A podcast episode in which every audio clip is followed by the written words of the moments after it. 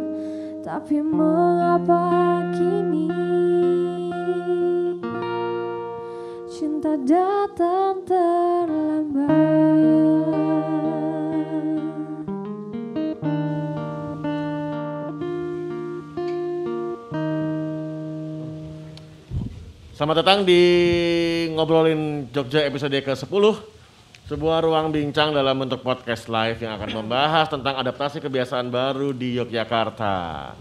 Seperti tadi video yang sudah diputar Salah satu yang memang sedang ramai dibicarakan Banyak pro dan kontra yaitu adalah pilkada.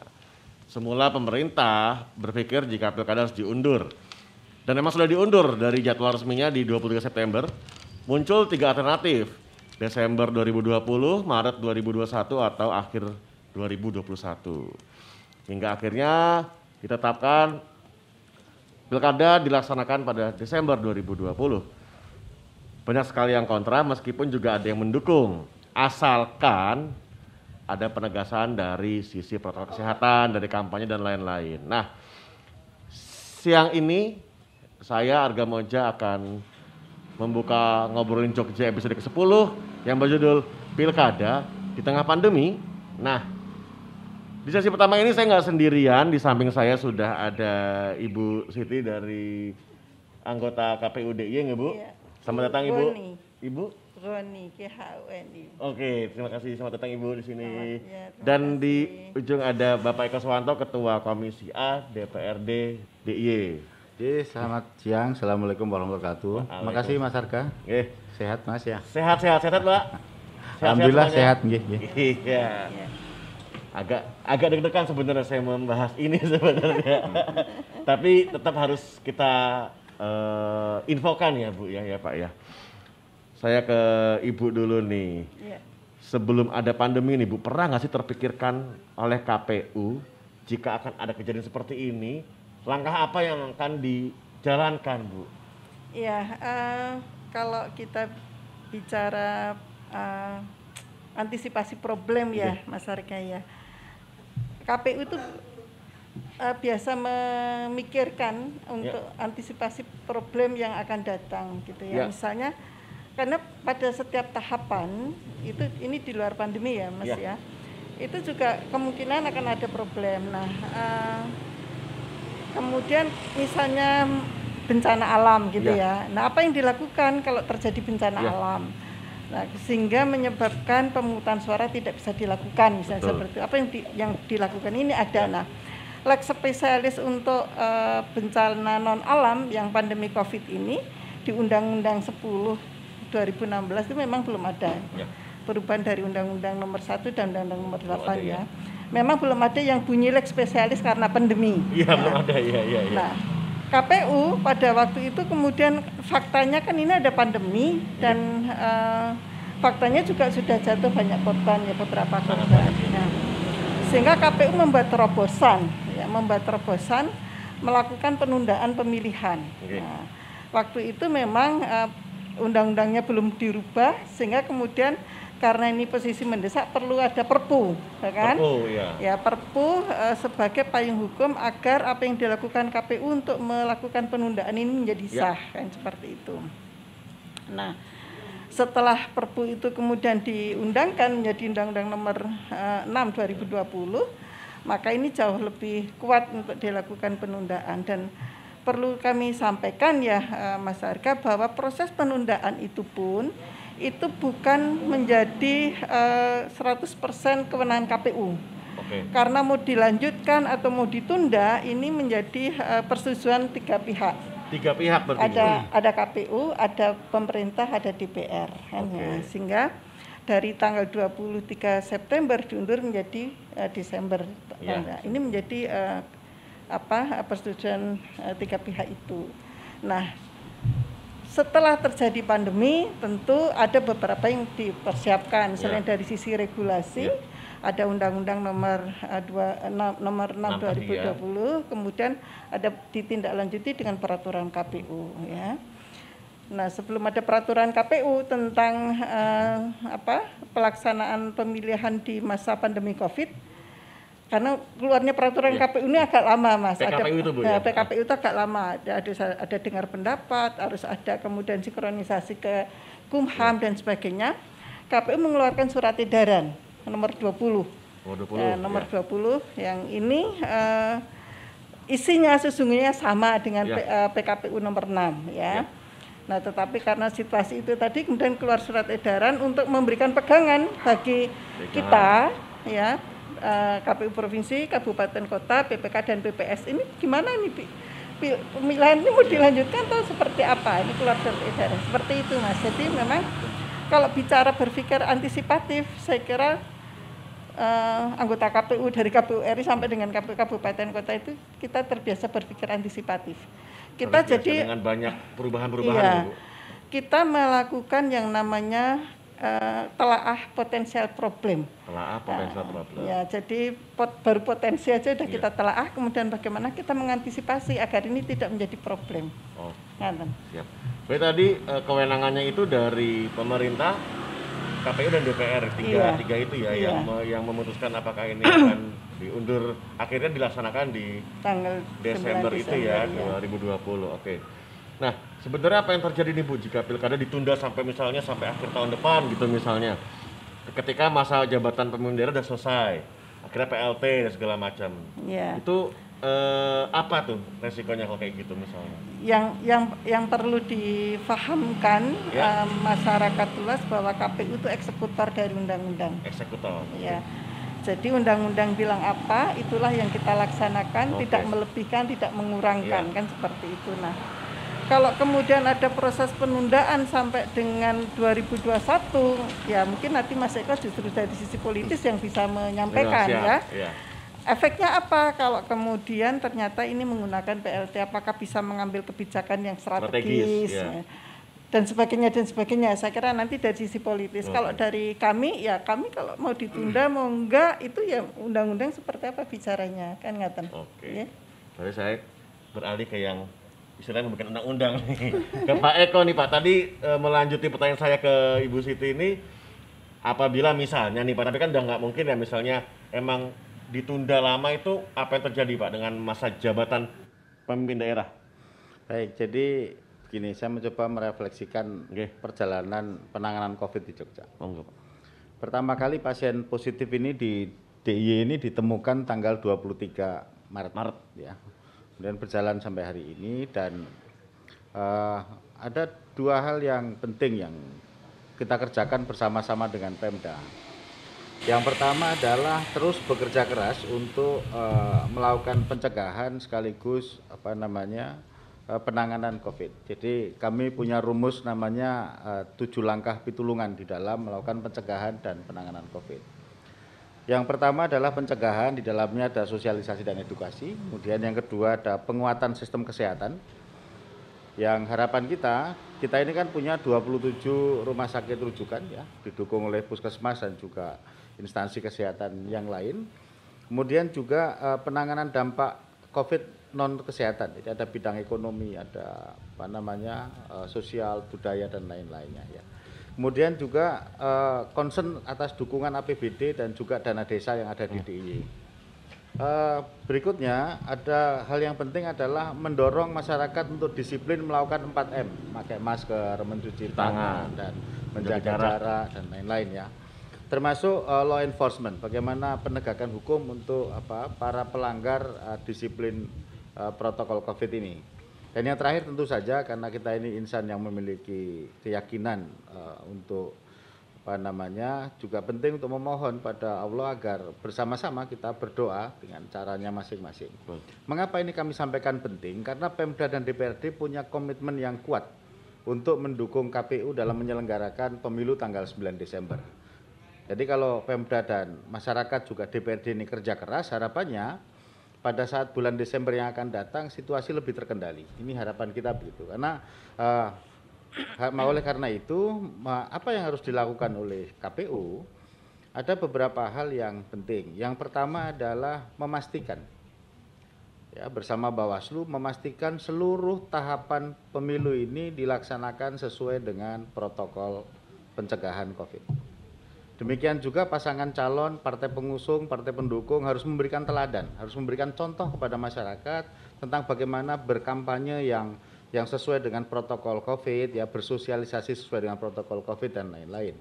Nah, saya kira perdebatan hari ini sudah bukan lagi setuju atau tidak setuju. Ya. Tapi perdebatannya adalah bagaimana mewujudkan pemilu yang sehat, pemilu yang apa namanya, yang mampu meminimalisir resiko eh, penularan COVID. Jadi yang yang paling utama tugas KPU adalah eh, menyelenggarakan pemilu itu yang di dalamnya ada komitmen untuk memutus mata rantai penularan COVID. Oleh Ya. karena itu kami eh, berpendapat untuk menyampaikan setidaknya empat hal yang ini Ya. penting bagi KPU. Kita urut dari eh, depan kampanye. Bagaimana KPU dan Bawaslu hari ini kami lihat sanksi yang diatur dalam eh, PKPU 10 dan eh, termasuk yang terbaru ya yang diperbaiki terakhir itu 11 12 13 itu sanksinya belum ada yang sampai pada level mendiskualifikasi pasangan calon. Jadi kalau kampanye melanggar pro- protokol COVID hanya diberikan sanksi tiga hari tidak boleh kampanye. Ini saya kira kemudian perlu dipikirkan bagaimana kemudian eh, saya kira penting bagi KPU untuk memberikan BIMTEK bersama dengan gugus tugas ya kepada tim kampanye masing-masing calon untuk bagaimana sih protokol COVID itu tegakkan dan lain-lainnya. Ini menjadi bagian dari concern eh, kita. Kemudian yang kedua yang penting adalah simulasi untuk seluruh tahapan pemilu. Simulasi tahapan oke. Ya, jadi begini, kita belum pernah punya pengalaman untuk bagaimana eh, pemilu dalam pandemi COVID. Ya. Tetapi kita pernah punya pengalaman, ya, pemilu dalam bencana alam pernah. Ya. Artinya, kalau kita lihat misalnya bagaimana sih simulasi yang terbaik harus dilakukan. Misalnya satu, tata cara pungut hitung. ya pada saat pencoblosan yang akan akan dilakukan tanggal 9 Desember, bagaimana KPU dapat menjamin seluruh proses itu dilakukan. Maka kami simulasi itu menjadi penting untuk melihat kekurangannya apa toh lapangannya gitu ya. Karena tiga kabupaten di DIY ini belum pernah melakukan eh, simulasi Ya. untuk memutus mata eh, mata rantai Covid. Contoh misalnya begini, ini juga masukan untuk Goni dan teman-teman di KPU, bagaimana penanganan terhadap pasien positif, baik yang isolasi mandiri maupun yang di rumah sakit. Ya. Kita ketahui di DIY ini ada totalnya ada 27 rumah sakit rujukan, ya. Di Gunung Kidul ada dua rumah sakit rujukan. Di Sleman ada 11 rumah sakit rujukan termasuk Sarjito. Sarjito ya. Ya, di Bantul ada tiga rumah sakit rujukan. Pertanyaan saya, TPS yang mendampingi TPS mana? Ya, kemudian bagaimana simulasinya? Bisa kebayang bagaimana dua orang KPPS, ya, tentu saja kan harus diikuti saksi ya bu ya, untuk mendatangi pemilih di luar TPS, ya. Bagaimana dia pakai hazmat? Bagaimana dia harus sterilisasi? Ya, ketika pulang dari apa melayani coblosan pasien positif, ya, pulang harus tetap memberikan ketenangan dan kenyamanan bagi masyarakat yang ada di sekitar TPS. Kemudian yang kedua, dalam satu TPS sekarang ini maksimum 500 pemilih. Bagaimana mengatur lalu lintas 500 orang itu, ya, yang datang ke TPS, yang teritorinya ini berbeda-beda. Ya. Misalnya kayak di Kecamatan Depok barangkali lebih padat jumlah penduduknya. Tapi kalau yang di kabupaten kecamatan yang di eh, lainnya mungkin barangkali akan lebih lebih anu lebih longgar waktunya. Longgar gitu, Pak, ya. Nah, kemudian ada misalnya begini. Eh, bagaimana 4M itu berlaku di TPS? Tersedia nggak alat cuci tangan di TPS? Ya. Kalau pakai handscoon kami tidak setuju sebetulnya. Jadi kalau pakai kaos tangan itu beresiko dua hal. Yang pertama, tidak ada jaminan kaos tangan itu tidak menjadi karier. Karena nanti akan rumit sekali bagaimana mencoblos kemudian pakunya disemprot oleh KPU. Nah kalau pemilihnya 500 berarti kan 500 kali nyemprot. Iya. Sekali nyemprot butuh berapa menit? Satu menit misalnya. Artinya waktu akan banyak habis untuk itu. Yang kedua akan menimbulkan sampah. Kita hitung misalnya pem- eh, DPS hari ini ya yang kalau dalam catatan saya eh, di Pilkada Kabupaten eh, Bantul itu ada 726.180 sorry 705.651 DPS-nya. Kemudian di Sleman ada 794.839, di Gunung Kidul 600.825. Artinya akan ada sampah yang jutaan dari urusan dihasilkan dari situ kaos ya? tangan. Ya ini yang yang saya kira menjadi soal tersendiri. Jadi harapan kita apa namanya eh, apa simulasi ini segera dilakukan untuk kita bisa melihat peta persoalannya apa sehingga Pemda akan bisa mengintervensi apa yang bisa dibantukan. Mengintervensi itu dalam pengertian dalam ketentuan Undang-Undang Pilkada itu dibolehkan Pemda memberi fasilitasi. Contohnya pada pelaksanaan pilkada yang tahun ini ya Komisi A bersama dengan Biro Tata Pemerintahan dan Pemda membantu 10 miliar untuk eh, baik Bantul, Gunung Kidul maupun Sleman.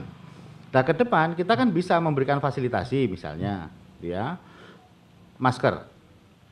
Kan setiap TPS itu nanti kan akan didatangi pemilih. Pertanyaan saya, ketika pemilih tidak pakai masker, bagaimana perlakuannya?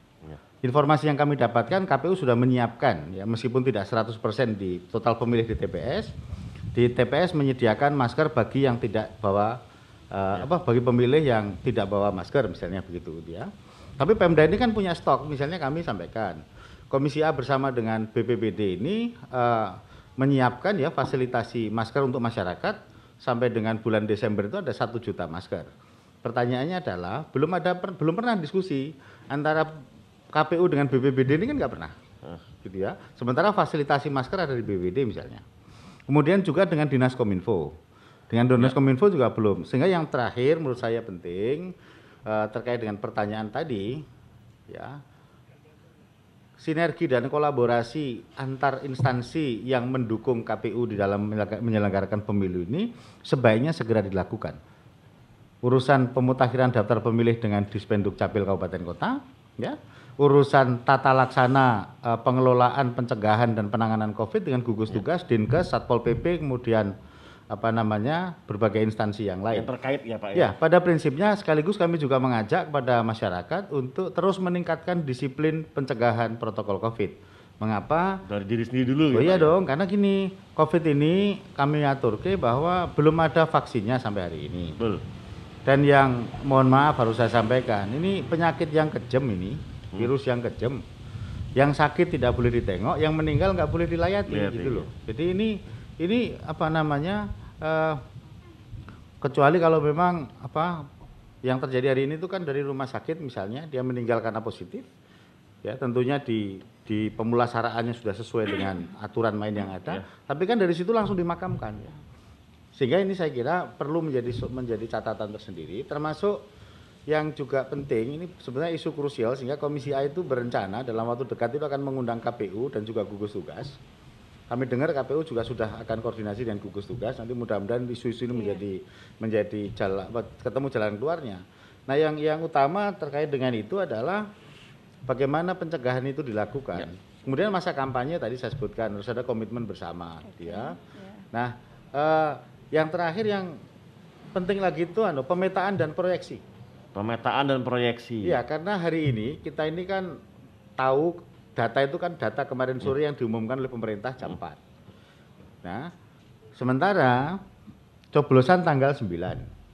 Pertanyaan teknis. KPPS mana yang nanti akan disediakan APD level 3? Karena kan belum tahu ini Belum tahu. sebaran Iya. isolasi mandirinya dari Iya, mana. iya. Ya, kalau yang di rumah sakit rujukan sudah ketahuan rumah sakitnya tadi, saya sebutkan tadi. Tapi untuk yang isolasi mandiri, ya tentunya kan KPU apa KPU harus menyediakan, Menyediakan. gitu ya. menyediakan termasuk apa boleh. Ini yang kami coba nanti mohon nanti Bu Siti Khoniatun yang paling pengantikan, apakah boleh Dinkes ya ikut membantu memfasilitasi. Misalnya KPPS mendatangi pasien positif. Tata laksananya yang ngerti itu kan gugus tugas sama Dinkes. Iya, iya. Sementara coblosan itu bersifat rahasia. Kan begitu. Betul, betul.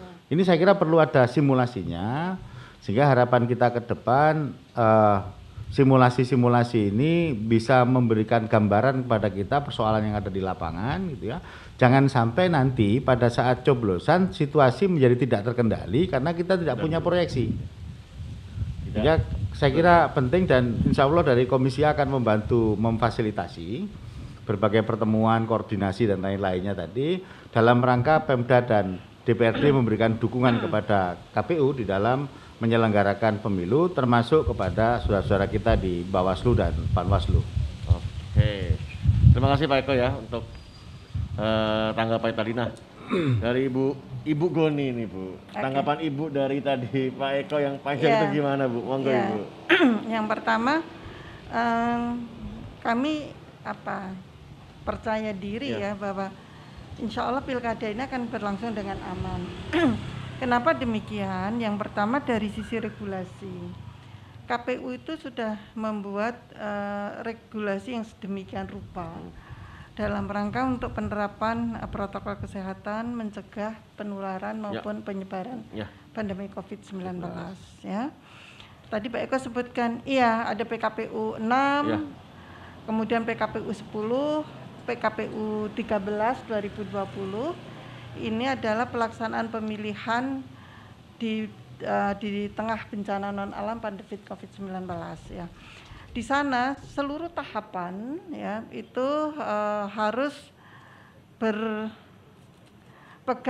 teguh ya menerapkan protokol kesehatan secara ketat baik itu dari eh, proses apa namanya eh, rekrutmen badan ad hoc ya pembentukan BPK, PPS, KPPS, Ya. PPDP gitu kan. Itu harus dipastikan orangnya juga sehat. Ya, ya.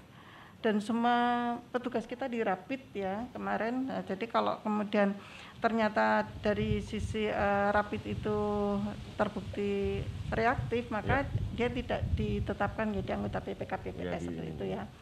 Kemudian kalau ternyata ketika proses eh, apa sudah melaksanakan tugas kan ini kemarin ketika PPK PPS itu dibentuk ini kan sudah dibentuk kemudian Betul, ada ya. ada penundaan kan gitu nah ketika kemudian setelah diperiksa Ya. Eh, kok kemudian terbukti eh, apa positif ya, Ya. maka dia dia off kan dulu. Kalau PPDP, kalau positif dia tidak dilantik, kan seperti itu ada proses penggantian. Itu dari sisi uh, apa SDM. SDM. Ya. Jadi dipastikan SDM-nya sehat. Regulasinya ada, tidak hanya di peraturan KPU, tetapi juga di uh, surat edaran. Nah, seluruh kegiatan baik itu dari apa mutarleh, pemutaran data pemilih, kemudian penetapan atau pencalonan, kemudian kampanye, kemudian pelaporan dana kampanye, kemudian pemungutan penghitungan ya. suara sampai dengan rekapitulasi ini harus ber, me, mengedepankan itu tadi uh, protokol kesehatan secara ketat. Basisnya apa? PKPU 6, PKPU 10, PKPU 13. 13. Nah, ini ini ya. induk, ini induk peraturan KPU uh, pada seluruh tahapan. Jadi ya. kalau kita bicara tahapan itu kan ada ya. uh, misalnya kampanye, ada peraturan KPU kampanye. Ya Nah, peraturan kampanye PKP kampanye ini uh, itu tidak boleh bertentangan dengan uh, peraturan KPU tentang protokol COVID itu tadi. Ini dari sisi regulasi. Seluruh uh, tahapan itu harus uh, dilaksanakan dengan uh, standar protokol kesehatan yang ketat. Nah, tidak hanya tahapannya, tetapi kegiatannya juga demikian, ya. Kalau tatap muka seperti apa yang harus dilakukan? Harus menggunakan APD tidak boleh ada apa eh, kontak fisik. Kemudian menjaga kebersihan. Tadi kalau Pak Eka bilang berapa? 4 M ya. Ya, ya Pak Eka bilang apa kami kami juga ada ketentuannya itu jadi menyediakan uh, cuci tangan kemudian menggunakan hand sanitizer menggunakan facial gitu ya. ya itu harus dilakukan dengan baik kemudian ada proses jaga jarak nah dan uh, diupayakan uh, meminimal minimal meminimal mungkin itu ada kerumunan massa. Misalnya ketika proses pengambilan nomor urut, ketika proses penetapan pasangan calon. Nah, dengan uh, KPU menetapkan protokol Covid ini, apa standar uh, protokol kesehatan ini, maka tidak boleh lagi ada pengombyong. Yang masuk ke dalam ruangan itu hanya ya. pasangan calon, LO, ya masing-masing satu, Bawaslu Kabupaten dua okay. orang dan KPU Kabupaten itu yang masuk ke dalam uh, tempat pengundian. Nah kemudian yang lain itu tidak tidak boleh. Nah, ya. Di luar itu juga ketentuan uh, para para pasangan calon juga tidak boleh membawa masa iring-iringan masa. Kalau itu terjadi apa yang dilakukan maka ada sanksi yang harus diterapkan sehingga pada prinsipnya sesungguhnya dari sisi regulasi KPU sudah mempersiapkan dari sisi SDM juga demikian, dari sisi anggaran juga demikian. Bagaimana di, dari sisi pelaksanaan? Saya ya. memberi contoh misalnya uh, bagaimana hari H, Pak Eko tadi tanyakan. Ya, hari H. Gimana di TPS? Nah, di TPS itu ada sembilan hal baru. Ya, sembilan hal baru ya? Iya, sembilan hal baru, sembilan plus bahkan. Ya, yang pertama ada pembatasan jumlah pemilih. Kalau eh, undang-undang menyatakan 800 boleh ya Pak Eko ya. ya tapi 500. Nah, karena situasinya seperti ini, maka KPU memutuskan 500 hmm. maksimal. Nah, itu yang pertama. Yang kedua, nanti kehadiran pemilih juga diatur Pak Eko normatifnya kan jam 7 sampai jam 13 ya. kan seperti itu. Tetapi faktanya kalau seperti itu kan bisa terjadi di jam 8 ya, misalnya gitu ya. Ya, potensi. Nah, maka KPU membuat pengaturan uh, kehadiran. Nah, pengaturan kehadiran ini akan dituangkan di dalam formulir C6 namanya, di formulir pemberitahuan bagi pemilih untuk mencoblos itu. Uh, misalnya nomor 1 sampai nomor 50 eh, misalnya ya. Jam berapa? Ah, jam berapa sampai jam berapa. Kemudian nomor 50 sampai nomor sampai 100 misalnya jam sekian sampai jam sekian. Harapannya apa? Harapannya biar tidak terjadi penumpukan pemilih di satu tempat yang sama yang pertama. Yang kedua, eh, pemilih itu wajib menggunakan masker ya. ya. Nah, kemudian ada proses ukur suhu. Dalam hal suhunya itu 37 eh, lebih dari 37,3 derajat Celcius, maka dia tidak boleh masuk ke dalam TPS. Tetapi dia diarahkan ke bilik khusus yang memang untuk orang-orang yang potensi ya, potensi uh, apa apa uh, kena COVID-19 karena suhunya tinggi misalnya ya. seperti itu. Nah, yang itu kemudian menggunakan tadi sarung tangan sekali pakai. Di TPS disiapkan untuk cuci tangan Pak Eko. Jadi memang um, kemarin hmm. waktu KPU RI sudah melakukan simulasi salah satunya adalah menyiapkan cuci tangan yang semacam portable itulah di setiap TPS. Kemudian eh, tidak lagi menggunakan tinta celup, tetapi dengan tetes ya. Jadi kita harapkan tinta itu tidak menjadi eh, apa nama sarana ya. iya, Ya, ya, sarana touchless, penyebaran seperti itu. Nah, hal-hal itulah yang dilakukan oleh KPU. Nah, kemudian bagaimana kalau eh, ada seseorang yang sakit ya atau yang melakukan isolasi mandiri di Iya. rumah misalnya seperti itu.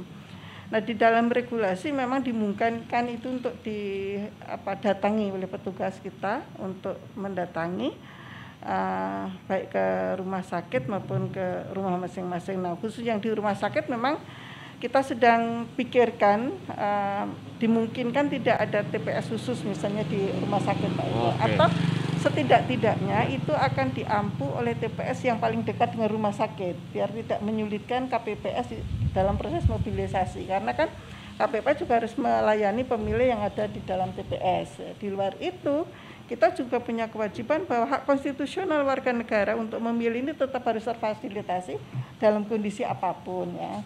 Itu. Kemudian eh, kalau yang rumah eh, yang rutan kemarin sudah ada surat edarannya KPU-nya Kemudian apakah KPU akan bekerja sama dengan eh, gugus tugas? Iya Pak, kami kami tegaskan bahwa di dalam proses rekrutmen KPPS ini sekarang kan baru akan rekrutmen KPPS Ya, ya, sedang ber- eh, berjalan. Ya, ya. Petugas di tingkat TPS itu juga harus dilakukan eh, rapid test dan ini Ya. kita bekerja sama dengan gugus tugas.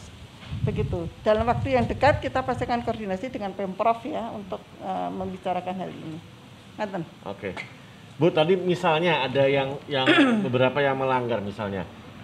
1 sampai 50 di jam segini, tiba-tiba dia Mm-mm, telat. mm-mm. Terus tadi seperti Pak Eko ngomong misalnya tidak bawa masker. Itu Mm-mm. a- antisipasi apa yang dilakukan oleh KPU? Bu? Iya, pasti yang pertama eh, kita akan sosialisasi ya. Iya. Kita itu eh, sosialisasi selain juga sosialisasi berkaitan dengan eh, protokol kesehatan, Iya, iya. juga sosialisasi eh, tentang perlunya menggunakan hak pilih kan seperti itu melakukan pendidikan pemilih. Nah, kita akan upayakan itu Pak. Kita upayakan eh, masyarakat untuk taat pada regulasi, taat pada ketentuan karena ini juga menjaga keselamatan semua kan. Jadi tidak hanya keselamatan penyelenggara, tidak hanya keselamatan peserta, tetapi juga keselamatan pemilih. Nah, keselamatan pemilih juga berpengaruh pada keselamatan keluarga kan, seperti itu. Nah, eh, pertama yang akan kita lakukan adalah eh, sosialisasi. Nah, secara fik eh, apa? Tentu itu itu tidak serta merta akan menggugurkan hak pilih seseorang ya. Kalau misalnya memang eh, ternyata ya punya alasan kenapa dia terlambat misalnya seperti itu tentu kita tidak akan kemudian serta merta menggugurkan tetapi hitam putih ini peraturan KPU sedang ada proses apa eh, regulasi sedang digodok ya seperti itu ya Oke. Berarti akan segera keluar regulasi baru nih. Iya, se- sesungguhnya kalau yang namanya regulasi karena ini dalam suasana pandemi Covid ini kan agak berbeda ya. Pasti seluruh ketentuan peraturan KPU di masa yang kemarin pilkada biasanya akan ada perubahan revisi menyesuaikan dengan eh, situasi kekinian Kondisi, ya, ya kondisi terutama di PKPU 6, 10 dan 13. Oke. Karena itu induk peraturan KPU. Di, di peraturan KPU 10, eh, 6, 10 dan 13 itu mengatur sesungguhnya. Misalnya tatap muka, kampanye itu harus begini, begini, begini, begini ya. Iya, iya, iya. Yang dulu itu boleh, eh, sekarang itu tidak diperkenankan misalnya. Saya ke Pak Eko dulu nih Pak. Seorang kader partai nih Pak. Nah, yang juga pernah mengikuti pemilu Bapak. Kalau kita ngomong sekarang itu tantangan terbesarnya dari para peserta Pak. Pilkada kali ini apa sih Pak sebenarnya? Jadi tantangan paling gedenya itu sama-sama menjaga keselamatan hidup. itu yang paling benar-benar paling besar ya Pak ya. paling utama. Jadi eh, benar bahwa eh, rekrutmen apa kepala daerah dengan cara pilkada yang dilakukan KPU saya kira salah satu prioritasnya selain penyelenggaraan pemilu yang apa bermartabat berbudaya. Artinya bermartabat berbudaya itu ya tidak ada apa manipolitik kemudian tidak ada manipulasi suara dan macam-macamnya iya. Tapi dari sisi keselamatan juga penting. Jadi Sangat penting. Eh, kenapa kami kemudian mendorong saya lagi simulasi pencoblosan itu dilakukan. Disiplin terhadap kampanye ini harus ditegakkan betul. Ya, ini semata-mata untuk menjaga keselamatan kita. Iya. Ya. Dan saya yakin dan percaya bahwa eh, DPRD dengan Pemda ini punya komitmen yang sangat kuat. Hanya perlu ruang untuk dialog yang lebih luas lagi Oke. ya kepada teman-teman di KPU. Maka harapan kita simulasi itu bisa dikerjakan di maksimum akhir bulan Oktober ini. Harapan Maksimum kita, ya, mengapa? Karena di bulan November dan sebulan ini kami dari Pemda bisa membantu memfasilitasi ya bersama DPRD Iya. apa yang menjadi kekurangannya. Contoh misalnya nih ya, eh, tadi disebutkan bahwa eh, pada masa kampanye itu kan eh, tentunya nanti Bawaslu akan me- menjalankan tugas dan kewenangannya. Tetapi jangan lupa juga ada Pergub 77 tahun 2020. Ya. Iya, iya, iya. Yang di sana ada pencegahan eh, pandemi Covid. Yang baru kemarin September ya Pak ya? Ya, tanggal 4 September ditandatangani kemarin. Artinya eh, ini menjadi penting untuk bagaimana kemudian eh, regulasi itu dilakukan. Belum lama juga ada maklumat Kapolri. Saya kira ini yang perlu disinergikan saja sehingga eh, aspek eh, law enforcement ini berjalan bareng dengan aspek sosialisasi edukasi. Kuncinya adalah semua harus menyadari untuk menjaga keselamatan masing-masing. Euforia tidak boleh mengalahkan keselamatan. Ini saya kira menjadi Euforia tidak boleh mengalahkan keselamatan. Iya, ya. ini penting Iya. gitu ya karena ini resikonya berat. Obatnya belum ada, vaksinnya belum ada. Jadi tidak usah diperdebatkan lagi betapa bahayanya Covid. Kira-kira begitu. Iya, iya. Maka eh, harapan kita selain simulasi tadi, gitu ya, sosialisasi. Nah ini mohon maaf kami perlu sampaikan teman-teman KPU masih kurang di dalam melakukan sosialisasi tahapan pemilu dalam perspektif pandemi Covid. Ya, ini belum. Nah harapan kita eh, sosialisasi ini dengan selain pemanfaatan teknologi informasi dan komunikasi juga bisa bekerja sama dengan berbagai stakeholder, NGO, perguruan tinggi dan lain-lainnya untuk kemudian memastikan Iya, iya. bahwa pemilu ini tersampaikan secara baik di tengah-tengah rakyat. Bagaimana calonnya siapa saja, visi misinya apa, ini harus diumumkan dan disosialisasikan lebih baik. Nah, sampai hari ini kami kemarin kan juga silaturahmi ke Sleman, ke Bantul ya. Termasuk kami datang ke beberapa kecamatan. Rupanya tentang sosialisasi ini belum cukup masif sehingga kita masih punya cukup waktu. Apa sih yang disosialisasikan? Yang pertama adalah tahapan pemilu dalam perspektif Covid. Ya. Yang kedua, berbagai regulasi yang ada di tengah-tengah uh, Covid ini tadi. Sampaikan tadi ada per PKPU 11, 12, 13 yang baru. Kemudian tadi Bu Goni juga menyampaikan akan ada PKPU lagi yang baru. gitu Ya, saya kira ini kemudian Iya. perlu kemudian kerja keras. Karena hukum positif di Indonesia itu unik. Begitu disahkan sebagai hukum, rakyat dianggap semuanya tahu. Jadi ini yang yang saya kira menjadi menjadi catatan. Iya, dan di sini kan apa ini kan teknologi baru ya ini ngobrol pakai podcast ya. Kanalnya macam-macam. Lamboya KPU itu melibatkan netizen gitu loh. Siap. saya ini kan sejak 2016 sama teman-teman Kominfo itu kan sudah mulai ngajak netizen. Maka di Jogja ini ada namanya masyarakat digital Jogja ada local guide ya ada youtubers. Kan keren juga kalau KPU misalnya bekerja sama dengan youtubers di Jogja ya jago-jago Twitter jago-jago Instagram yang followersnya banyak itu loh. Cuman saya nggak ngerti kenapa teman-teman netizen belum tertarik jadi caleg. Kalau saya lihat followersnya ada loh yang Twitter itu teman saya, ya, sahabat saya itu nggak usah saya sebut namanya tapi udah tahu ya. Gitu. Loh, itu followersnya itu sampai 900 ribu lebih. Ada yang mainnya di Facebook itu followersnya itu ngalang-ngalai comblosannya. Nah, maka kemudian saran saya dari Komisi A siap untuk fasilitasi. Nanti bersama dengan Kominfo gitu ya. Ayolah sosialisasi bareng sama netizen, sama local guide ya, sama konten-konten kreator dulu. Lo teman-teman muda-muda kan Saya jago juga siap, Pak, saya juga siap. Oh iya Mas Harga sak bolo-bolo ini kan jago gitu ya. Nah, ini saya kira menjadi penting sekaligus memberikan pemahaman kepada tim kampanye bahwa memaksimalkan teknologi informasi ini akan berdampak baik untuk meningkatkan kedikenalan dan uh, keterpilihan. Ya. Nah, tugas kami berikutnya adalah bersama dengan Kominfo untuk menyiapkan infrastrukturnya. Iya. Hari ini benar seluruh desa sudah kita bangun internetnya, sudah ada.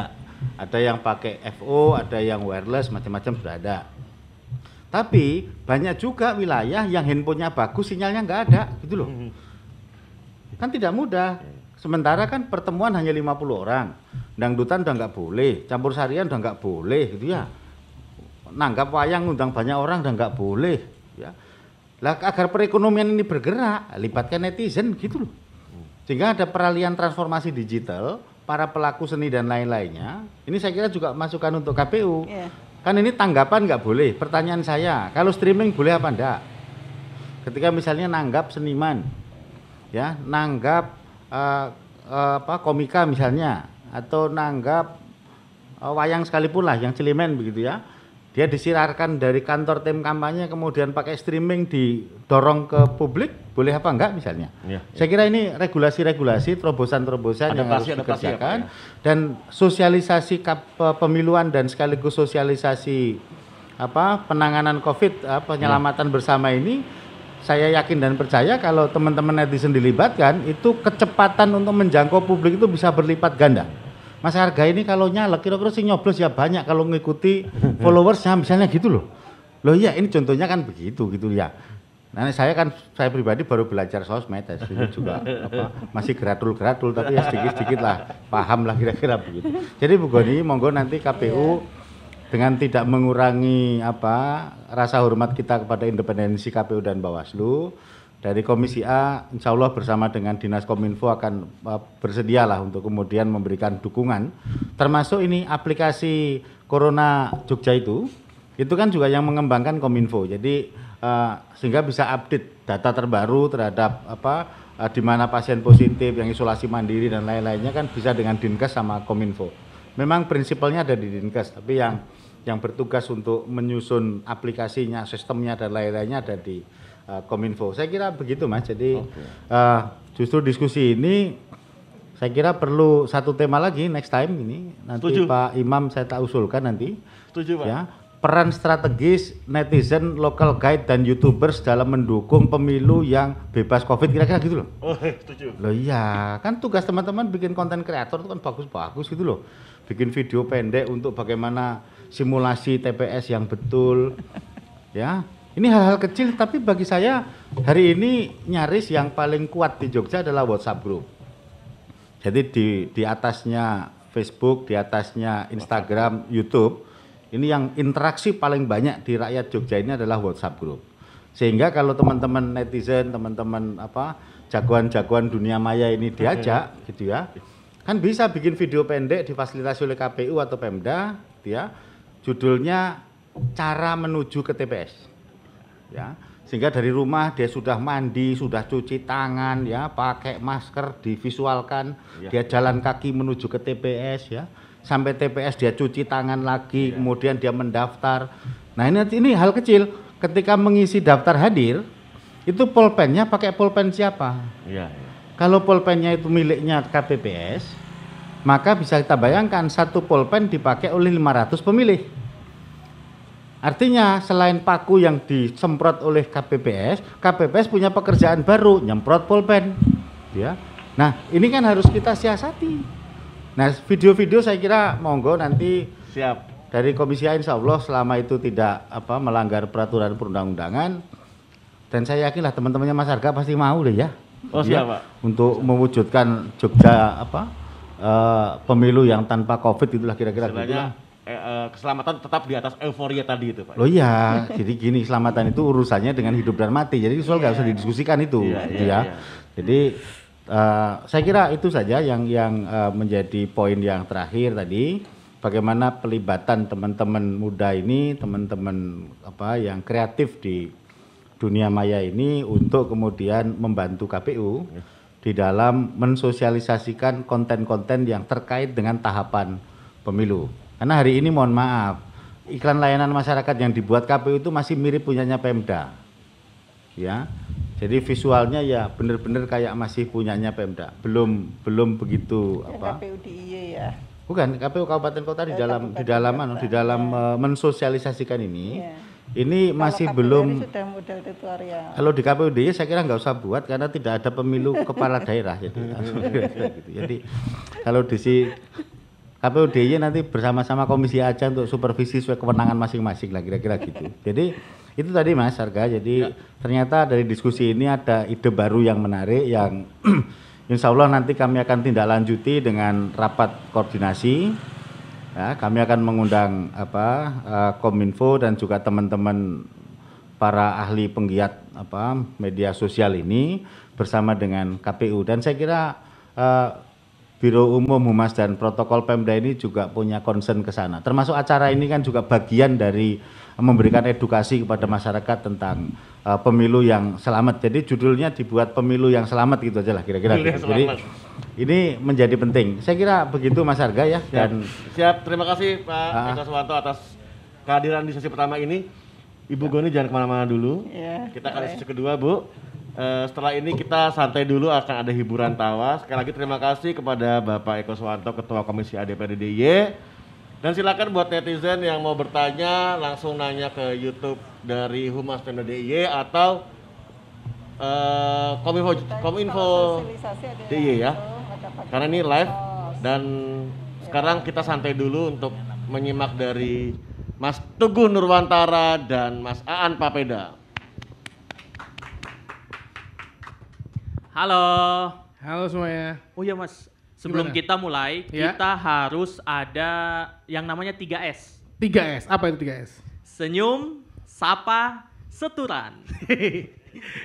Bukan. Apa yang 3S itu senyum, sapa, samas. Terlalu jauh Mas, terlalu jauh. Jangan kasihan. Untuk teman-teman di mana pun kalian berada di Janti, Babarsari, Seturan, teman-teman saya semua sehat selalu. Semoga jaga Amin. jarak semua. Betul. Hari ini Mas, hari ini, oh sapa dulu tadi. Buka dulu. Iya makanya. Assalamualaikum. Warahmatullahi wabarakatuh. Waalaikumsalam warahmatullahi wabarakatuh. Selamat siang teman-teman. Halo Bu. Bu Goni. Pak Eko, Pak Eko udah jalan juga. Mas, hari ini kan kita bahas tentang eh, pilkada. Betul, pilkada. Nah, menurut Mas eh, kan tadi memang dari banyak diskusi tadi Iya. ya, memang akan dilaksanakan tapi dengan berbagai protokol kesehatan. Menurut Betul. Mas gimana? Ini kan kita juga masih menunggu ya. Mm-mm. Menunggu gimana keadaan COVID ini nanti. Tadi ada dibahas itu oh, ada protokol kesehatannya. Tapi gimana kalau biar nggak ada ketemu orang, Iya. dibuat pemilunya itu atau kampanye di online. Lah, kenapa? Tapi lebih susah, Mas. Maksudnya gini, ah online itu. Iya, Online. memang kalau offline kita kemungkinan ketemu orang memang ada. Offline ya pasti ketemu orang. Tapi kan online juga, ya juga ya. Lebih Online enak pakai. HP. Pakai handphone, kampanye dari rumah ya kan. Lah berarti petugas KPU-nya datang dari rumah ke rumah dong. Enggak juga. Lah, gimana? Enggak juga. Kampanye masih enak kampanyenya. Hmm. Nah, mungkin pemilunya nanti yang agak agak Oh agak iya, agak karena sulit. misal kalau pemilu online pakai handphone, tidak semua masyarakat nih punya handphone. Betul. Apalagi di daerah pelosok. Nah, Mungkin ada, ada tapi sampai sana nih petugas KPU-nya nggak ada sinyal. Repot. Iya juga. Ya udah gini aja. Memang nggak ada sinyal nih di, di, Iya. di daerahnya. Ya udah. Petugas KPU lima orang. Lima orang datang ke kampung-kampung ya. Dua orang khusus pegang HP, Iya. ketok dari rumah ke rumah. Tiga orangnya pikul tower. Seru gitu, sumpah. Jadi sinyal tetap aman gitu. Tapi mas, kalau memang eh, ada online, berarti HP itu kan satu HP dipakai banyak orang. Nah jaganya gimana? Ya tinggal jaga aja. Diva, oh satu, satu orang lagi harus ini pakai disinfektan. Lah berarti petugas KPU tambah satu orang. Tambah satu lagi. Enam orang satunya mikul disinfektan gitu. Sambil nyemprot-nyemprot. Janganlah susah itu mas. ini deh. Terus oh ini. Kalau memang nanti online, Iya. terus gimana cara validasi kalau si A ini sudah coblos atau belum? Kalau kalau Ya. offline tuh kan ada celup tinta itu. Tapi kan sekarang nggak ada katanya. Kalau Iya, online. karena online. Kalau online bisa aja pakai suara atau foto, foto sampai pegang KTP. Lah mas itu kan kayak peminjaman online gitu. Masa foto pegang, halo saya sudah coblos nih. Data kita ditampung terus dijadikan jadikan peminjaman online ya ampun nih. Kasihan selesai coblos kok ada SMS, Mas kapan bayar utang Mas? Aduh, tapi itu sih menurut saya memang online. Tapi yang seru dari pemilu online Iya. adalah serunya nanti yang tadi su- sudah sempat disampaikan Pak Eko juga per- eh, apa nih kampanyenya pun online. Betul. Kampanye Dulu online. kalau kampanye offline tuh kan orang pasti ngebut-ngebut di jalan. betul. Berombongan. Konvoy. Konvoy. Pakai motor belombongan. Nah kalau online kalian cukup belombongan di live Instagram. Pakai motor sendiri ya. Di halaman rumah itu kan. Seru itu tiap-tiap kepala yang mau calonkan diri punya Instagramnya masing-masing. Jadi kalau kalian tidak setuju dengan itu, ya udah uninstall Instagram, tidak usah nonton gitu. Tapi idealnya eh, kampanye online lagi selain live Instagram apa lagi mas? Masa tadi pakai youtuber? Menurut saya setuju sih youtuber. Setuju. Untuk sosialisasi gimana eh, apa Pemilu, itu ini- berjalan. Iya betul. Cuma takutnya kalau kampanye pakai youtuber, takutnya jatuhnya malah prank gitu gimana? Waktu hari H, Iya, hari sel- selama vlog nih, selama dia main di Malioboro. Halo, pilih calon aku dukung si A ya. Nah, si A si A sit sampai ternyata dia coblos si B. Jatuhnya prank. Aduh, iya udah kasihan. dibayar sama si tim A, Aduh. ternyata prank. Kasih. Ternyata bayarannya juga prank tuh. Dibayar cuma gudeg satu pasien. Aduh, itu tuh macam-macam. Tapi was, oh iya ngomong-ngomong pemilu, hari ini hari batik. tiba-tiba melompat ya dari pemilu ke batik. Iya, nah Bener, tanggal makanya 2 kenapa kita Oktober pakai ya? batik ini. Iya. Nah, semoga teman-teman di sana kalian tuh semoga tidak usah malu pakai batik. Tidak usah, usah malu. Tidak hanya untuk pergi ke unduh mantu atau kondangan aja. Nggak Pergi usah. ngampus pakai batik nggak masalah. Nggak apa-apa, nggak masalah. Bahkan ada gitaris band eh, Jakarta itu dia kalau manggung pakai batik. Oh, aduh, tahu Mas Ginda Sugardi sih. Bukan, Iga. Iga, Mas Iga, tahu Mas tahu. Iga pakai iya. batik. Selalu aja pakai batik. Dia belinya di sini. Di eh, mana? pasar mana? Sini. Pasar mana? Sini Pasar Gejayan. Eh, pasar- Ringharjo. Ringharjo, sini, Ringharjo. sini, depan sini. Yang sangat saya eh, kasihan dari para penjual batik nih kadang pembeli batik tuh suka tawar sekali. Misalnya Nah, satu dia. batik 200 ribu tiba-tiba Mbok ya 52. Eh. Waduh, 52.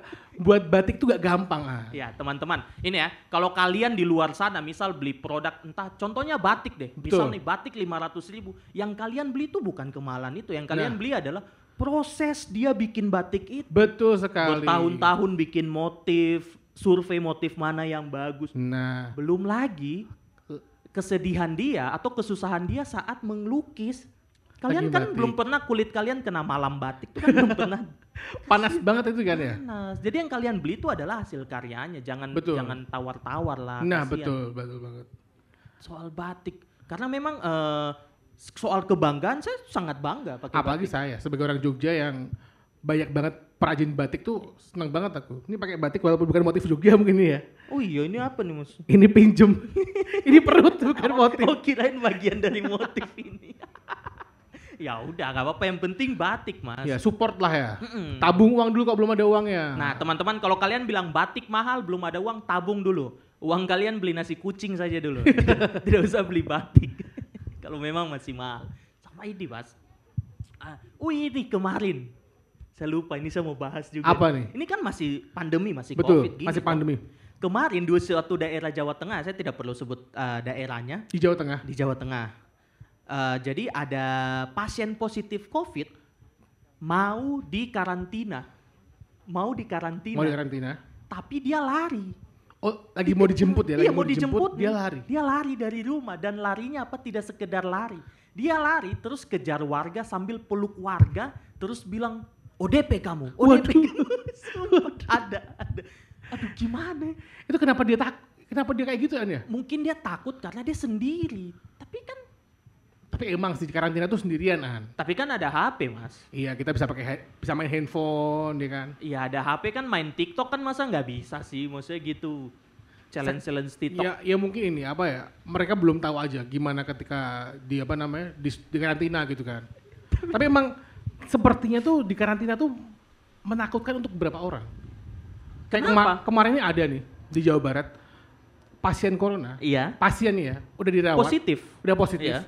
Dia kabur dari rumah sakit, Lah karena apa? kabur terus dia berobat ke dukun. di corona belum ketemu obatnya nih, Iya terus belum dia ketemu vaksinnya nih, dia percaya dengan dukun. dukun. Astagfirullahaladzim. Nah kasihan nih, dukunya terus besoknya ODP. Dijemput juga airnya. Itu jangan-jangan dukun yang kamu pergi berobat itu juga masih training. Waktu datang disambut, selamat datang di rumah dukun. Masih probation tiba-tiba minta perobatan ya. Astaga. Tapi An, Apa? kamu ini kan bukan orang Jogja asli ya? Iya iya. Saya ini istilahnya pendatang lah, bukan bukan Dari asli mana aslinya? Saya dari Manokwari. Dari Manokwari, Papua. Papua Barat, Iya, dari iya. Manokwari. Nah, Ah, dan yang yang saya senang dari sini adalah akhirnya saya tuh ingin selalu eh, belajar bahasa Jawa. Kamu akhirnya belajar bahasa Jawa. Belajar bahasa Berapa tahun Jawa. kamu Jogjaan? Saya hampir eh, lima tahunan ada, lima, Lima tahunan ada. tahun, Nah, gokil. serunya teman-teman saya untuk ah, mengajarkan saya bahasa Jawa, mereka pakai tebak-tebakan. Atuh namanya apa? Cangkringan ya namanya. Bukan. Ca- cangkriman. Cangkringan. Cangkringan daerah. Oh beda. Atas beda. Tapi ada atau ada? ada. ada tuh, Bukan ada. cangkringan, cangkriman. Ada. Jadi di, diajarin diajarin gitu. Apa cangkrimannya? Cangkriman kayak ini nih, ini mungkin mungkin Mas tahu apa? Eh Pitiwali seko kebon. Sobo kebon. So, pi, Pitiwali sobo kebon. Tahu aku. Apa? Nanas. Ya kan? Oh Piti. Oh ini nih, Pitiwali sobo mejo. Eh, sula. Sula. Ini nih, Pitiwali sobo Semarang. Apa? Pitiwali sobo Semarang. Apa nggak ada sih? Kadohan Mas.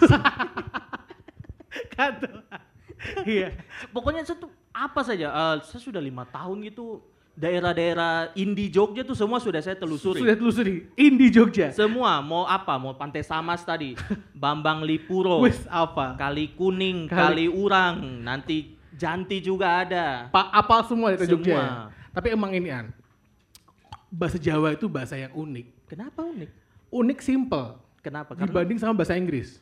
kok bisa? Bahasa Inggris itu panjang kalimatnya cuy. Kayak misalnya ini kita mau ngomong uh, take a, an old bicycle. Take oh, an old naik bicycle. naik sepeda tua. Nah, bahasa Jawanya simple. Apa? Ngontel. Oh, iya simple. Terus juga ada taking the longer way to get to the destination. Ambil jalan jauh untuk su- ke suatu tujuan.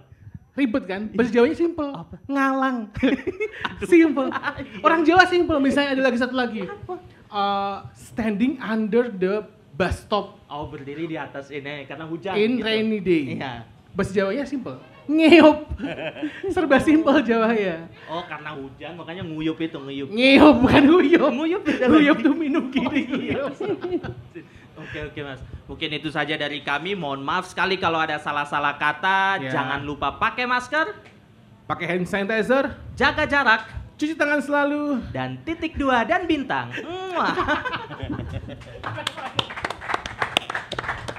Ya, itu tadi Mas Teguh Nurwantara dan Mas An Pepeda dari Hiburan Tawa. Oke, sekarang di sesi kedua ini sudah ada ini ya, sudah nambah eh, berganti dari Pak Eko Swanto akan ada satu bintang tamu lagi yaitu Mas Doni. Salah paham aja ya ngomong ya, ada salah Ya, paham ya. Mas Arya, selamat siang. Sebagai citizen dari Yogyakarta. nih. Citizen ya, warga negara. Ya, Warga negara. Nge-MC lancar, Mas? ya virtual. Oke sebelum itu eh, Bu Goni ini ada beberapa Iya. pertanyaan Bu yang di YouTube. Ya, Eh, yang pertama dari garis gawang. Izin bertanya, dasar apa yang digunakan untuk memutuskan melaksanakan pilkada di tengah pandemi? Sedangkan untuk kegiatan lain seperti event dan lain-lain olahraga dibatasi ataupun bahkan dilarang oleh pihak penyelenggara segala macam demi menjamin protokol kesehatan. Eh, yang berikutnya dua dulu aja Bu ya nanti kita bacakan dua lagi. iya. Kampanye besok dari romantisasi Jogja. Kampanye besok boleh dangdutan nggak? Boleh konvoy knalpot belum-belongan nggak? Boleh tawuran antar simpatisan nggak? Terus sanksinya apa jika melanggar? Ya, oke. Yang pertama, dasar apa eh, KPU dalam melaksanakan pilkada di tengah Ya. pandemi COVID? Ada undang-undang ya, Ya. tadi disampaikan ada Undang-Undang Nomor 6 2020, di mana undang-undang ini memperlakukan Perpu ya, Perpu Nomor 2 2020 kemarin kan, nah, itu yang menjadi dasar. Kalau bicara pasal ada pasal 122A di sana. Nah, itu yang menjadi eh, dasar ketika eh, pilkada ini dilangsungkan di tengah pandemi Covid yang pertama dari norma hukumnya. Kemudian ada juga ketentuan bahwa pela- pelaksanaan ini juga menjadi persetujuan bersama KPU, DPR sama pemerintah. Kemudian ada surat da- keterangan ya, surat keterangan dari eh, gugus tugas Covid nasional ya, kepala gugus tugas Covid nasional. Eh, kita juga tak bertanya, bisa nggak pilkada dilaksanakan? Bisa sepanjang dengan menerapkan protokol kesehatan. Nah, itulah yang menjadi dasar eh, KPU di dalam eh, menyelenggarakan Pilkada 2020 di tengah pandemi Covid. Nah, tentu atributif undang-undang itu memberikan kewenangan pada KPU untuk melakukan pengaturan lebih lanjut. Bagaimana pilkada dilaksanakan, tetapi prinsip keamanan, keselamatan, kesehatan, Ya. seluruh pihak yang eh, terlibat baik penyelenggara, peserta, pemilih dan pihak-pihak lain itu bisa terjamin. Nah, makanya di dalam asas penyelenggaraan ini, Mas, Mas siapa? Mas Doni. asas salah satu asasnya ditambah untuk pilkada di tengah pandemi Covid adalah asas keselamatan dan kesehatan. Itu menjadi prinsip di dalam proses penyelenggaraan pemilihan 2020 ini. Oke. Itu Mas, jadi dasar hukumnya itu. Yang tadi jelas nggak boleh tuh ya, tadi yang dangdutan itu. Oh, kalau dangdut enggak boleh. Jadi sekarang eh, kampanye itu masih diperkenankan tetapi didorong dengan metode daring ya. Dalam hal-hal kondisi tertentu masih boleh tatap muka. Kemudian eh, dengan rapat terbatas itu masih diperkenankan tetapi harus dalam ruangan dan maksimal 50 orang. Kemudian dengan eh, menerapkan eh, standar protokol kesehatan ada jaga jarak, ada apa namanya eh, cuci Ya, apa kebersihan 3M ya itu ya. Pak ya itu tetap diterapkan. Nah, untuk kampanye dalam bentuk lain apakah itu rapat umum eh, kemudian olahraga ya, kemudian basar, pentas seni termasuk hari ulang tahun partai politik misalnya itu sudah tidak diperkenankan. Nah, dengan eh, peraturan KPU nomor 13 itu sudah dihapuskan kampanye-kampanye yang sifatnya pengumpulan massa banyak. Karena apa? Karena itu potensi, Potensi. terjadi penyebaran COVID-19. Itu sampai batas waktu yang belum ditentukan Bu ya. Yang mana? Yang tadi itu sampai batas waktu yang belum ditentukan kan ya. Yang mana? Yang ya, pengumpulan segala macam itu. Ya ini kan kalau kita bicara peraturan KPU 6, 10 dan 13, itu kan 13. lex spesialis. Iya. Memang hanya Lex berlaku spesialis. khusus untuk Pilkada 2020. Karena di tengah pandemi Covid lah. Nanti kalau pandemi Covid-nya udah selesai mungkin Pilkada berikutnya juga sudah diperkenankan. Oke. Tergantung kan. Nah, Iya, karena iya, sekarang iya. masih dalam eh, situasi pandemi Covid maka berlakulah lex spesialis Iya. bukan lex generalis ya. Gitu, Siap. Mas. Ini ada lagi pertanyaan Bu dari romantisasi Jogja. Kita dua-dua Bu ya. Ya. Yang apakah KPU sebagai penyelenggara pilkada bisa bertanggung jawab sepenuhnya jika ada klaster baru? Kemudian dari Jo Hendrawan, izin bertanya kepada KPU, apakah urgensi tetap dilaksanakannya pilkada itu berkaitan dengan kepentingan politik di tahun 2024? Matur nuwun. Iya. Eh, yang pertama, eh, apakah KPU bisa bertanggung jawab? KPU dari sisi regulasi, kemudian eh, dari sisi SDM di tempat kita, dari sisi anggaran, kemudian dari sisi pelaksanaan eh, pemilihan itu kita bisa meminimalisir dengan beberapa ketentuan-ketentuan yang ketat itu. Nah, apakah kemudian ini bisa 100% menjamin tidak ada apa penambahan eh, eh, COVID-19. Ya saya kira kalau kita bicara tanggung jawab tidak hanya KPU sesungguhnya. Karena kita bicara pilkada ini semua pihak yang terlibat kan ya KPU eh, sebagai penyelenggara ada Bawaslu, ada DKPP, kemudian sebagai peserta ada partai politik, ada pasangan calon, kemudian ada pemilih, kemudian ada teman-teman netizen yang juga bisa menyuarakan bagaimana proses kerja-kerja demokrasi atau pelaksanaan demokrasi ini juga bisa seiring dengan keselamatan dan kesehatan. Jika dan tidak menjadi anti produktif kan ya. Karena tujuannya apa? Ada pilkada ada pemilu ini kan untuk mensejahterakan masyarakat. Kan seperti itu. Sehingga ini saya kira menjadi tanggung jawab kita semua ya bagaimana eh, menciptakan eh, pilkada yang demokratis yang sehat, yang aman, yang bisa menjamin keselamatan kita semua. Kemudian apakah ini ada agenda 2024? Saya kira ini konteksnya berbeda karena memang undang-undang itu menjamin undang-undang menjamin pelaksanaan pilkada ya untuk demokrasi di tingkat lokal ya dilaksanakan kemudian di 2024 nanti kan ada pilpres dan pilek itu hal yang berbeda. Beda konteks ya Bu ya. Iya. Oke, eh, kita ke Mas Doni nih. Selamat Ya, datang Mas, Mas. Doni, sehat-sehat ya. Sehat mas, harus sehat. Harus sehat. Terus dengan tidak mengesahkan KPU sebagai pelaksana nih Mas, tanggapan Mas Doni sebagai warga atau pemilih dengan tetap dilaksanakannya pilkada di tengah pandemi ini, Mas? Kalau secara pribadi ya Bu ya, mohon maaf. Ya saya kurang setuju sih sebenarnya. Iya. Karena pasti itu akan mem- memberikan eh, banyaknya masa. Kalau saya pribadi mungkin saya bayangannya adalah kalau pas kampanye pasti ada banyak masa gitu kan. Eh, saling adu masa lah pokoknya. Nah, kalau pas masa seperti ini takutnya takutnya itu mungkin dari pihak pemerintah mungkin akan memberikan sanksi seperti itu. Takutnya nanti mungkin kan eh, ada kecolongan gitu loh Iya. mas, kecolongan ada masa yang datang itu, itu nanti lebih lama lagi kalau seumpama banyaknya masa mama datang dan takutnya nanti lebih lama lagi nanti corona itu akan Hilang. berlanjut gitu loh. Berarti kekhawatirannya ada penggunaan massa dan ada klaster dari situ kampanye Iya, berarti ya? Iya. Ya di sesi kedua ini memang kita akan membahas kampanye. Dan ada ada beberapa yang kita lihat di TV segala macam di media ada yang kecolongan seperti itu ya. Iya. Ada penggunaan massa segala segala macam kayak gitu. Nah. Tadi terkait dengan sanksi Bu Goni berarti dari Iya. Mas Doni itu. Kira-kira bagaimana nih penerapan sanksi dari KPU jika ada eh, paslon yang yang ketika kampanye melanggar protokol kesehatan? Ya, jadi eh, kampanye the new normal Ya. tidak ada lagi ceritanya dangdutan. Ya.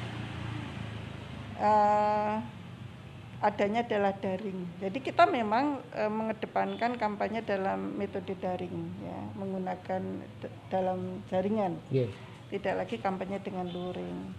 Memang eh, KPU masih membuka ruang dalam hal dengan metode daring itu tidak bisa dilakukan, maka boleh kampanye dalam bentuk eh, pertemuan terbatas atau pertemuan tatap muka. Nah, tetapi itu pun ada pengaturannya, artinya pertemuan terbatas maupun tatap muka hanya bisa dilakukan di dalam gedung. Ya. Berapa? 50 Iya, peserta? maksimal 50 peserta dengan tetap menjaga jarak. Tapi kalau gedungnya kecil, ah, nggak mungkin 50 peserta pasti. Di bawahnya lagi. Nah, ya, jadi ada menyesuaikan batasannya ya Bu ya? menyesuaikan kondisinya gedung itu, ah, tetapi tetap harus ada social distancing itu masing-masing satu meter. Itu yang pertama. Yang kedua, tetap harus menerapkan protokol kesehatan menggunakan masker setidak-tidaknya minimal minimal masker. Nah, kalau kemudian ternyata itu dilanggar, ya eh, kampanye itu misalnya bahkan tidak hanya penyeleng, tidak hanya peserta ya, masuk termasuk penyelenggara kalau kemudian tidak menerapkan eh, protokol kesehatan sebagaimana itu tadi menggunakan masker, kemudian menjaga kebersihan dan sebagainya ada jaga jarak Ya. Itu ada sanksinya. Sanksinya memang ada dua kalau yang yang bukan kampanye tapi eh, secara umum ya. Eh, itu sanksinya sanksi administrasi. Jadi Bawaslu nanti harus akan menghentikan kegiatan itu. Yang kedua kalau tetap ngeyel ya, maka eh, Bawaslu akan menyampaikan eh, apa pers- per- persoalan itu per- rekomendasi ini ke, ke kepolisian untuk ditegakkan pengaturan sesuai dengan ketentuan peraturan perundang-undangan itu itu wilayahnya eh, Ya. polisi ya Saya takutnya kalau semua yang fanatik tuh loh Bu, kadang kan Nah, kadang di sebentar. di dalam itu udah prosesnya udah lancar, cuman kadang di Oke. belakang itu nah oke makanya eh, misalnya eh, di dalam lancar hanya 50 Iya. di luar kok ada iring-iringan Ya. itu juga tidak diperkenankan harus dibubarkan nah, eh, kalau bicara kampanye itu tadi ya. Kemudian tidak ada lagi yang namanya rapat umum tidak ada lagi eh, olahraga yang mengumpulkan banyak massa ada sepedaan Ya. ada jalan santai ada senam massal itu nggak boleh. Ada perlombaan-perlombaan itu tidak diperkenankan. Kemudian ada hari ulang tahun misalnya gitu juga tidak diperkenankan. Jadi eh, pada prinsipnya yang mengumpulkan massa itu tidak diperkenankan. Tetapi kalau di dalam ruangan itu karena kondisi situasi tertentu ya ya kita kan harus realistis. Tidak semua negara kita ini dari sisi jaringan lancar ya. Jadi kalau menggunakan daring itu kan juga harus ada infrastruktur yang Ya, sa- harus infrastruktur yang men- menunjang. Nah peraturan KPU itu kan berlaku secara nasional kan mas ya kan ada daerah-daerah tertentu yang dengan daring 100% bisa berjalan. Iya, pasti. Tetapi ada daerah-daerah tertentu yang itu tidak Karena dimungkinkan. infrastrukturnya tidak Entah ya. infrastruktur, entah masyarakatnya Ya. memang belum paham ya. apa, belum paham. Sementara uh, visi misi dan program itu kan harus, Harus disampaikan. Biar mereka tidak seperti memilih ujung dalam karung misalnya dia betul-betul memilih memang uh, apa uh, pasangan calon yang berkualitas. Berarti tugasnya memang berat ya Bu. Mi. Nah, kemudian Calonnya kalau itu jadi iring-iringan nggak boleh. misinya iya, jadi misinya Kalau ada iring-iringan itu Ya. nggak boleh. Misalnya kemarin ketika pengambilan nomor urut, pengundian itu ya, pengundian nomor urut.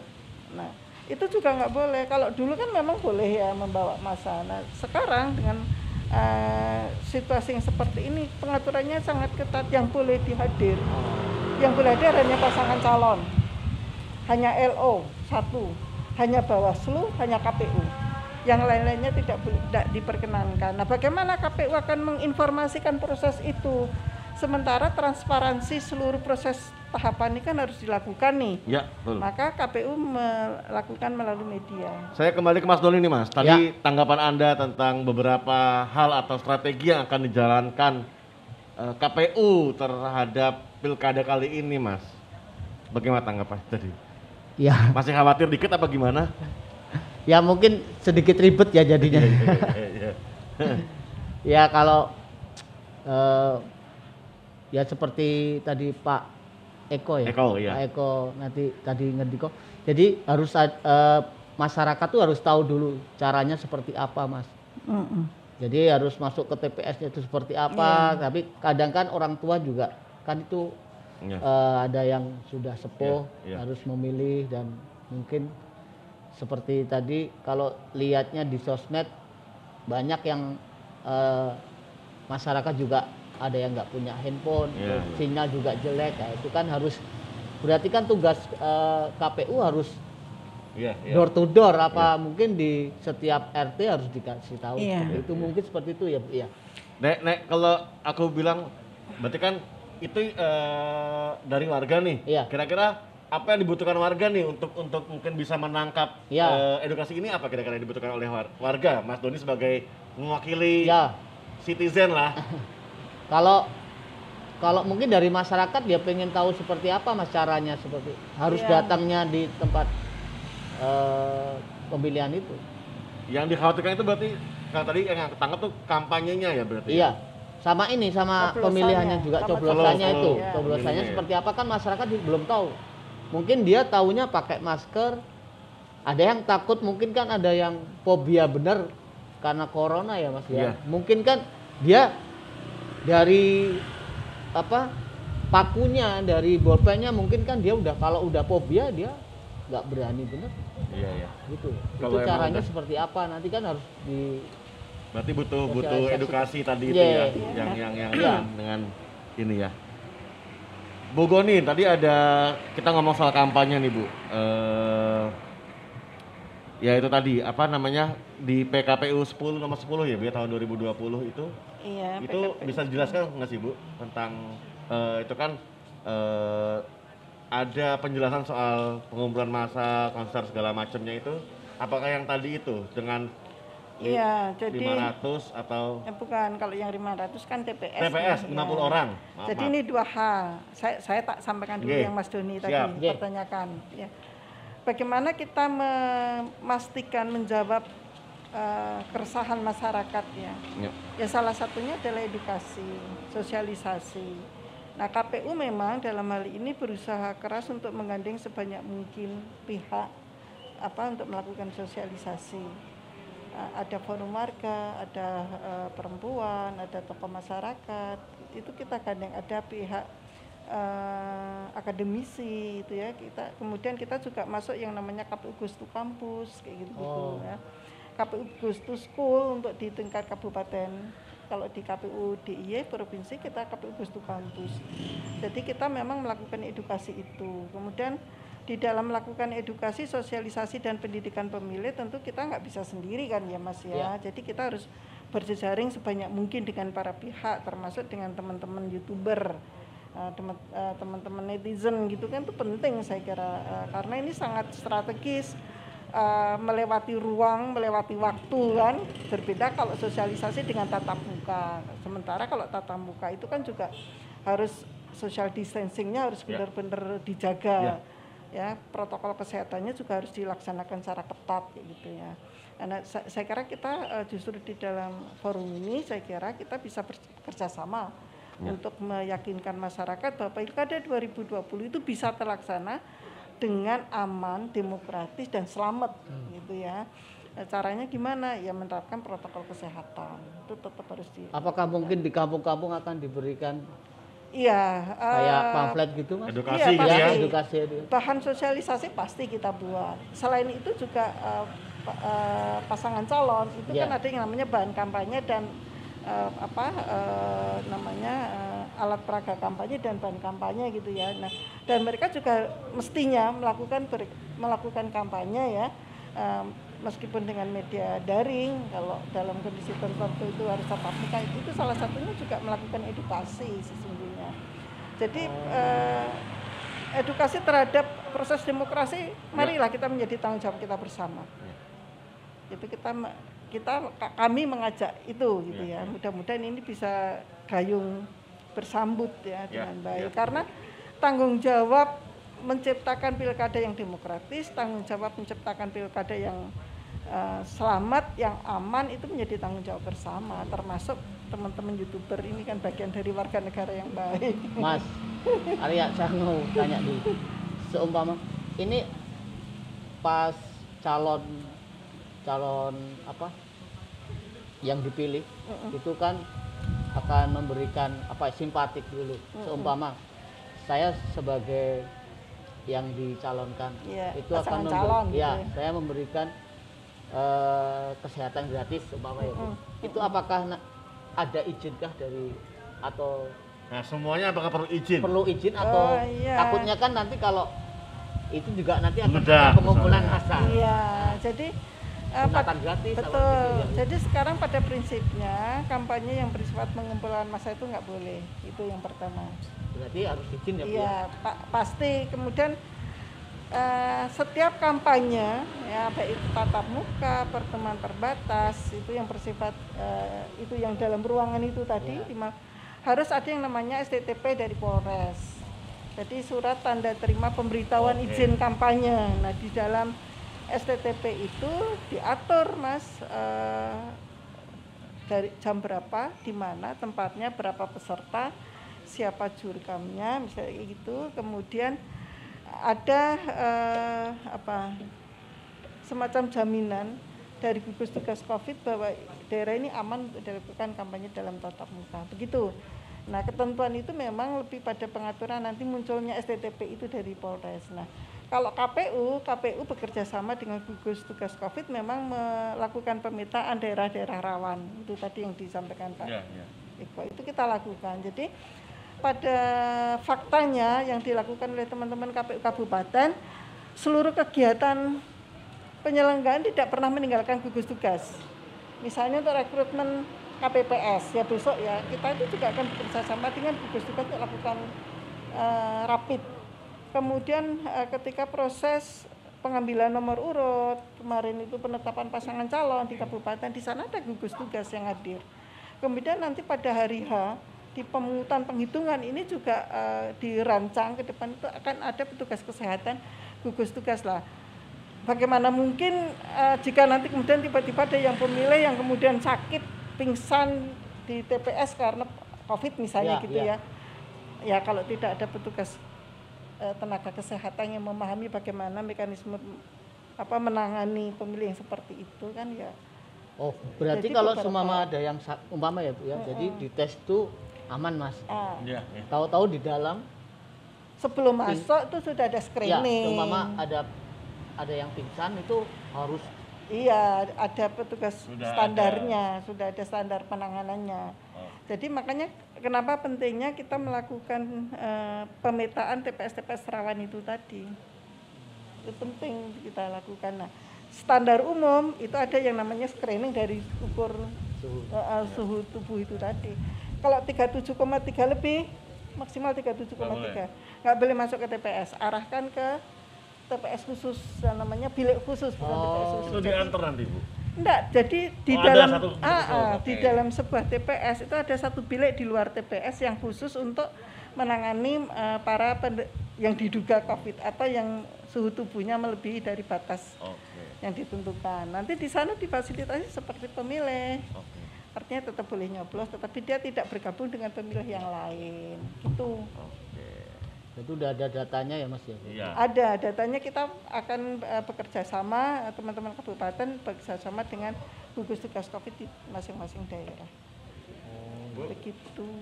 Kalau tadi yang ngomongin soal sanksi dan tadi kan katanya ada regulasi nih yang, yang Iya. kemungkinan akan ada lagi regulasinya. Ya.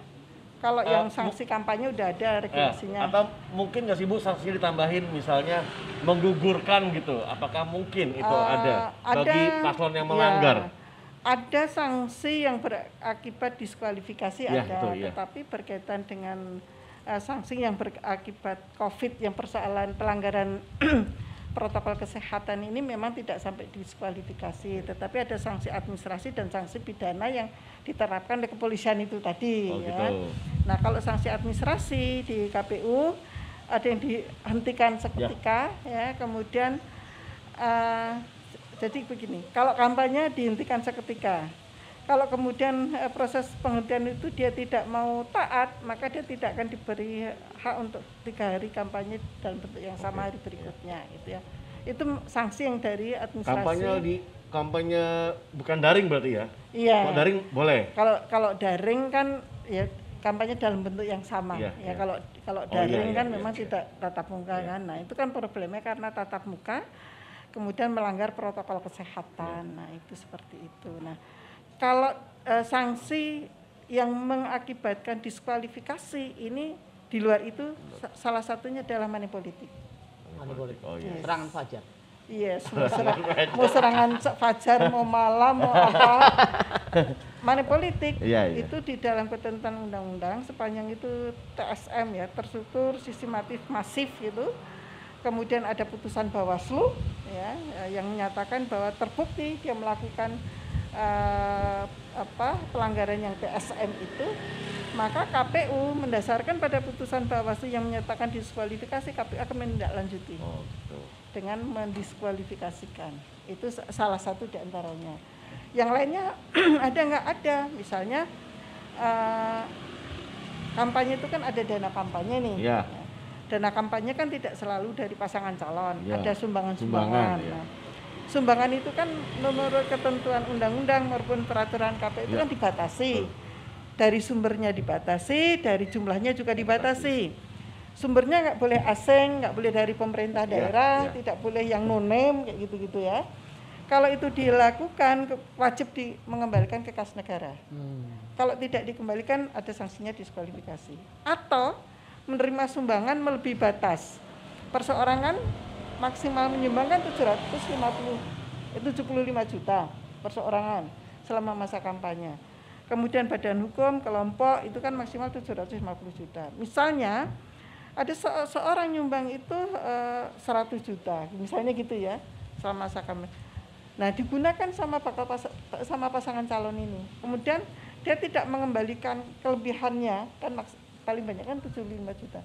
Tidak mengembalikan kelebihannya ke kas negara misalnya. Semuanya digunakan kemudian tidak maka itu bisa sanksinya diskualifikasi. Jadi ad- harus dibedakan memang ada kalau sanksi kampanye per- berkaitan dengan pelanggaran protokol kesehatan Iya. memang tidak sampai diskualifikasi. Berarti tidak akan ada. Apa siapa tahu akan ada kayak gitu, Bu? Ya Belum tahu. sampai dengan saat ini Belum tidak ada, ada, oke, ya oke, sampai dengan ya. saat ini tidak ada tetapi ya itu eh, administrasi dan eh, itu apa eh, sanksi pidana tapi kan gini loh mas yang namanya pasangan calon kita menjual trust nih Betul. ya kan Betul. menjual trust kepercayaan kepada masyarakat Betul. ya kan ya jadi kalau pasangan calon yang sering melanggar begitu Iya, kan kepercayaan ya, kepercayaan kepada masyarakat seperti apa bang dia itu nanti akan jadi guru digugu dan ditiru oleh Ya. masyarakat kan jadi ya pilihlah pasangan calon yang memang betul-betul itu kapabel kredibilitas yang kredibel kan Iya. apa namanya eh, apa namanya yang berintegritas Nah, betul. Kalau bicara Amanah berintegritas betul. ya amanah. Bicara integritas ya berarti kan dia tidak melanggar ketentuan peraturan perundang-undangan. Bu, berarti eh, tempat untuk memilihnya tuh berarti KPU udah mempersiapkan Iya TPS ya. ya TPS-nya itu ya. Sampai dengan saat ini kita sudah membuat yang namanya peta TPS, eh, prediksi TPS TPS eh, mana saja yang akan dibuat itu sudah.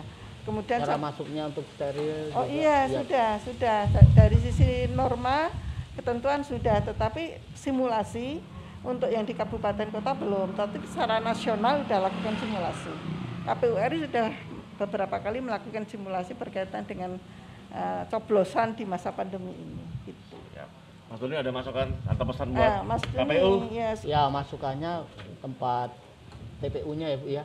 TPS-nya, Iya, TPS-nya. ya. TPU. TPU. ah, TPU TPS. Iya. TPS-nya tuh seperti yang ada di kepatian Bu. Jadi masuk harus ada iya. supaya steril Iya. walaupun udah dites suhu ya Bu ya. Jadi takutnya kan Betul. Jadi yang namanya eh, selain tadi ada screening suhu, ada eh, jaga jarak, ada apa jumlah urutan itu tadi Ya, ya. ya, pengaturan. jadwal untuk Ah, ah, juga sterilisasi secara berkala. Jadi TPS-nya juga memang harus disterilkan secara berkala. Tidak kemudian hanya pagi sama sore enggak, tapi di waktu-waktu tertentu itu ada proses sterilisasi TPS dengan melakukan penyemprotan desinfektan. Wah. Oke. Begitu. Siap. Pokoknya dari masyarakat juga ngikutin aja ya Iya. daripada terkena ya juga kan. ya, dari mengawasi masyarakat juga. mengikuti, dari netizen bersama-sama melakukan edukasi. Ya. Dan mengawasi juga ya Bu ya istilahnya. Oh ini ada yang ini tiba-tiba dilaporkan ini Bu. ini kayak Ya, gini Bu. kalau ada gitu. yang begitu-begitu lapornya ke Bawaslu, Bawaslu, kan, iya, bagian iya. yang melakukan pengawasan. Nah, nanti KPU akan melakukan eh, tindak lanjut atas rekomendasi Bawaslu itu. Akan ada hadiah nggak Bu kalau semua ada Hadiah. ya? Loh, biasanya Bu. Story gitu, wah ini ini gitu. Oh. Mungkin dari KPU. Saya siap loh. Lomba ya, lomba Ya ya. biasanya gitu. Oke. Ditampung, ditampung. ya. Ditampung. Siap. Ibu terakhir Bu ada pesan untuk warga Jogja atau calon pemilih Bu? Ke saya atau Mas Dini? Ke Ibu. Oke, jadi pada prinsipnya bahwa eh, Pilkada 2020 ini adalah eh, proses demokrasi yang penting yang harus dijalani ya eh, bagi warga negara seluruh in- yang yang sekarang eh, Pilkada khususnya untuk yang tiga kabupaten ini ada Bantul, Sleman, Gunung Kidul Tiga. tiga kabupaten. Maka eh, marilah kita menciptakan eh, pilkada yang demokratis, pilkada yang aman, pilkada yang selamat gitu ya, eh, dan eh, berpartisipasi. Pemilih itu berpartisipasi di dalam proses penyelenggaraan pilkada tidak hanya pada hari H, tetapi berpartisipasi pada seluruh tahapan baik itu dimulai dari pemutaran data pemilih, pencalonan, kemudian kampanye, ya, kemudian eh, pada hari H itu juga melakukan partisipasi. Partisipasinya adalah partisipasi kritis, Kritis. ya.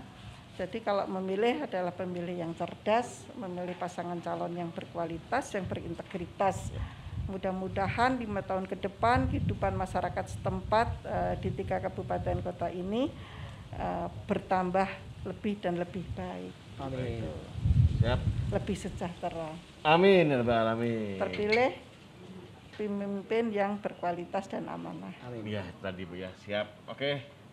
Nggak kerasa ya Bu ya udah satu jam lebih nih kita ngobrol. Kalau ngobrol sama teman-teman kayak ini terasa milenial saya.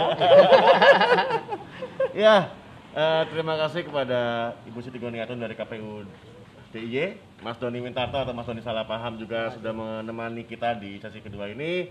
Tadi ada Pak Eko Swanto yang sudah duluan di ada acara lagi beliau ternyata. Terima kasih kepada Humas Pemda DIY, kepada Kominfo DIY atas wifi Jogja istimewanya ini, kepada KPU DIY, DPRD DIY, dan kepada teman-teman netizen yang sudah bertanya, semoga puas. Sudah dijawab tadi pertanyaannya sama Ibu Siti Goniatun. Nah, silakan kalau yang masih penasaran silakan bertanya langsung ke KPU DIY. Kita ada Instagram, Betul, ada Instagram semuanya, Bu, YouTube, ya. ada Instagram, ada Facebooknya Facebook juga, juga, ada. silakan langsung saja yang masih penasaran. Terima kasih kepada semua pendukung acara Ngobrolin Jogja episode ke-10 ini. Dan saya Arga. Assalamualaikum warahmatullahi wabarakatuh. Waalaikumsalam warahmatullahi Saya dan wabarakatuh.